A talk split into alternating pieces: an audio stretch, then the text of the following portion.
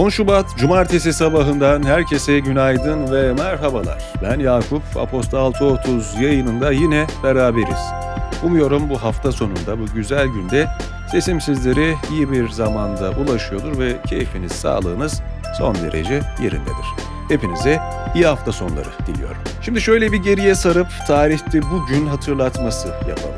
Recording Akademi'nin o dönemki başkanı kadınlar aday gösterilmek ve Grammy kazanmak istiyorlarsa kendilerini ispat etmeliler sözlerini sarf edeli 6 yıl olmuş. Bu yılki Grammy ödüllerine ise kadın sanatçılar damga vurdu. Eda Solmaz'ın tam da bu konuyla alakalı çok güzel bir yazısı var. Yazının başlığını da şimdiden söyleyeyim. Grammy'lerdeki erkek egemenliğinin sonu mu geliyor tartışmalarının arka planını yazmış. Bu konuyla ilgili detayları da sizlerle paylaşacağım. Bugünün bülteni May Diageo ile birlikte ulaşıyor. Doğanın ve ham maddenin sürdürülebilirliğine verdiği önemi başarıyla ortaya koyan May Diageo, tohumdan kadehe uzanan yolculuğunda geleceği düşünen öncü adımlar atmaya devam ediyor. Sürdürülebilirliğin çok boyutlu bir konu olduğu bilinciyle hareket eden May Diageo, kendi sektöründe bir ilki gerçekleştirerek Bilecik fabrikasını karbon nötr hale getirdi. Ayrıntılar bültende.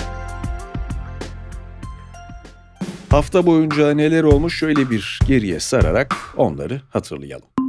6 Şubat depremlerinin birinci yılında depremin etkilediği illerde anma törenleri ve protestolar düzenlendi. Hatay Büyükşehir Belediye Başkanı Lütfü Savaş istifaya çağrıldı. Savaş, ertesi günkü açıklamasında adaylıktan çekilmeyeceğini belirterek kendisini protesto edenlere Hatay üzerinden kirli bir oyun oynanıyor dedi. AYM'nin yeni üyesi Yılmaz Akçıl için yemin töreni düzenlendi. Cumhurbaşkanı Erdoğan'ın katıldığı törende AYM Başkanı Zühtü Arslan, AYM kararlarına uyulmamasının hiçbir anayasal ve yasal zemini temeli yoktur dedi. ABD ordusu bu hafta Irak ve Suriye'deki İran destekli gruplara yönelik en az 85 hedefe düzenlediği hava saldırısıyla ve Irak'ın başkenti Bağdat'ı bombalamasıyla Kule 22 üssüne yönelik saldırının karşılığını verdi. ABD ve Birleşik Krallık Yemen'deki Husilere yönelik 13 noktadaki 36 hedefi vurduklarını açıkladı. Husilerin sözcüsü saldırılara karşılık vereceklerini duyurdu. Türkiye'nin ilk astronotu Alper Gezer Avcı'nın uzay yolculuğu sona erdi. Gezer Avcı'yı taşıyan Dragon kapsülü 48 saatlik bir yolculuğun ardından dün Florida kıyısı açıklarına iniş yaptı. Hamas, ateşkes ve esir takası konularına ilişkin müzakerelerden sonra toplam 135 günlük 3 aşamalı plan teklif etti. İsrail Başbakanı Netanyahu, Hamas'ın onay verdiği rehine takası ve ateşkes önerisini reddederek Gazze'nin güneyindeki Refah kentine karşı saldırıya hazırlanılması için orduya emir verdiklerini açıkladı. İstanbul Çağlayan Adliyesi önündeki polis kontrol noktasına DHKPC üyesi iki kişi tarafından düzenlenen silahlı saldırıda bir kişi hayatını kaybetti, üçü polis memuru, altı kişi yaralandı. Pakistan'da ekonomik kriz, yüksek enflasyon, sıkı yönetim, siyasi çalkantılar, militan grupların yükselişi ve Hindistan'la savaşların gölgesinde 12. kez seçime gidildi. Azerbaycan'da erken yapılan Cumhurbaşkanlığı seçimlerini 20 yılı aşkın süredir görevde olan İlham Aliyev kazandı. Devlet Başkanı Gabriel Borik'in OHAL ilan ettiği Şili'nin Valparaiso bölgesindeki orman yangınlarında ölü sayısı 130'un üzerine çıktı. Rusya Acil Durumlar Bakanlığı, işgal ettikleri Ukrayna toprağı Lısıçansk'a geçen cumartesi günü Kiev tarafından bir saldırı düzenlendiğini, saldırıda en az 20 kişinin öldüğünü ve 10 kişinin de yaralı olarak hastaneye kaldırıldığını bildirdi. Günün hikayesi girişte de söz ettiğim gibi Eda Solmaz'dan geliyor. Yazının başlığı Grammy'lerde erkek egemenliğinin sonu mu? Dünyanın en önemli festivallerinden Primavera Sound birkaç yıl önce eşitliğin önemine vurgu yapmak için yeni normal mottosuyla katılımcı ve headlinerların en az yarısını kadın sanatçı ve gruplardan seçti. Berlin Film Festivali cinsiyet ayrımını kaldırarak en iyi kadın ve erkek oyuncu ödüllerini ayrı ayrı vermek yerine en iyi başrol, en iyi yardımcı rol performanslarına ödül vereceğini açıkladı. Artık epeyce eski moda bulunan beyaz erkeklerin yönetimde çoğunluğu oluşturması dolayısıyla yıllardır eleştirilen Grammy'lerde dünyadaki eşitlik ve kapsayıcılık rüzgarına daha fazla dayanamadı. Geçen pazar düzenlenen törende büyük ödüllerin neredeyse hepsini kadın sanatçılar topladı. Bahşedilmiş değil, kazanılmış bir galibiyetti bu, diyor Eda Solmaz. Yazının devamı bültende sizleri bekliyor, mutlaka göz atınız. Rotalar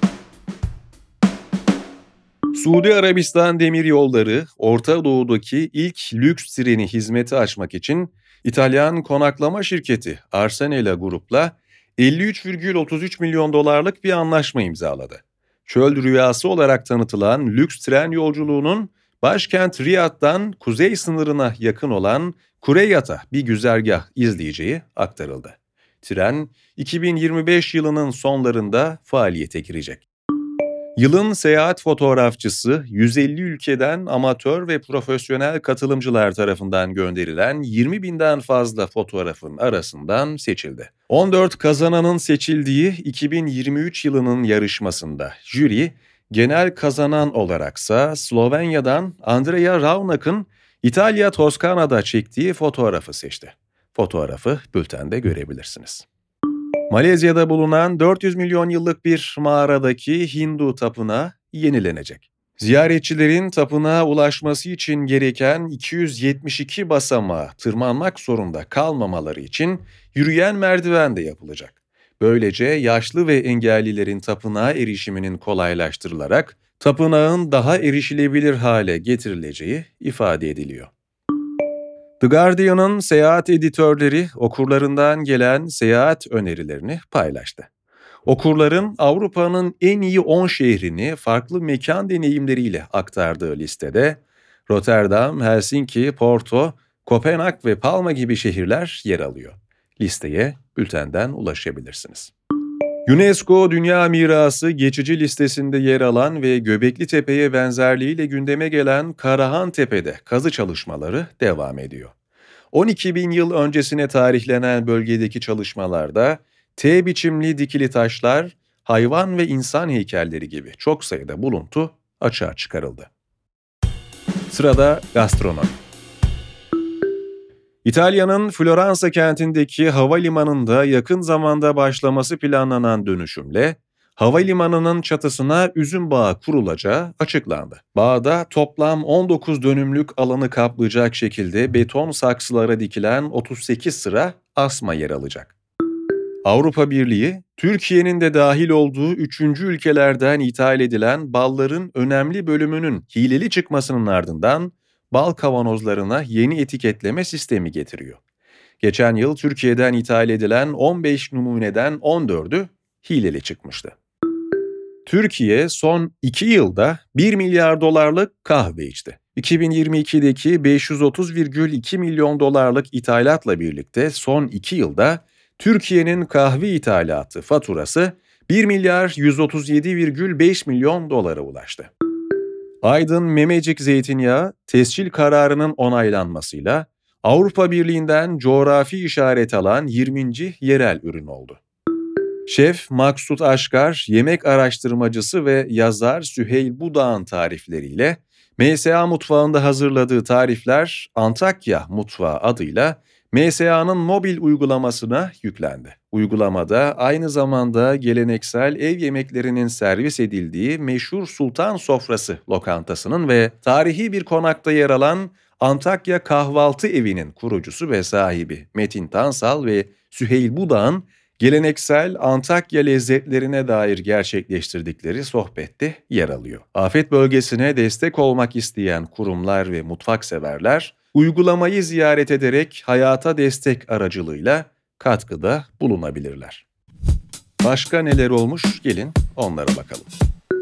Ünlü Fransa merkezli lüks moda markası Hermes, İzmir'de ikinci el kitaplar satan Hermes Sahaf'ın sahibi Ümit Nar'a ticari isim ihlali iddiasıyla patent davası açtı. Nar, 15 yıldır bu işin içinde olduğunu ve hiçbir zaman Fransız lüks eşya üreticisiyle karıştırılmadığını söyledi. Davanın ilk duruşması geçen ay yapıldı ve ikinci duruşmanın 27 Mart'ta yapılması planlanıyor. Grammy ödül törenine katılan rap sanatçısı Doja Cat, kırmızı halıya tasarımcı Dilara Fındıkoğlu imzalı şeffaf korse elbisesi ve gözlükleriyle çıktı. Doja Cat'in giyiminin yanı sıra dövmeleri, özellikle de alnındaki Dilara Fındıkoğlu yazılı dövmesi sosyal medyada çok konuşuldu. Kullanıcılar dövmelerinin kalıcı olup olmadığını tartıştı.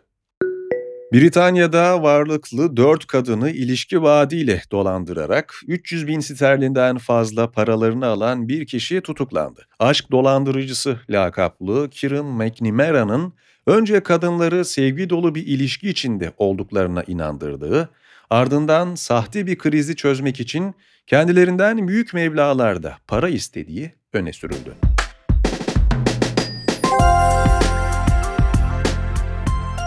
Bu haberle birlikte 6.30 yayınlarında bir cumartesi gününün daha sonuna geldik. Ben Yakup. Bugünün bülteni May Diaco ile birlikte ulaştı. Haftaya tekrar görüşünceye dek kendinize iyi bakın, hoşçakalın.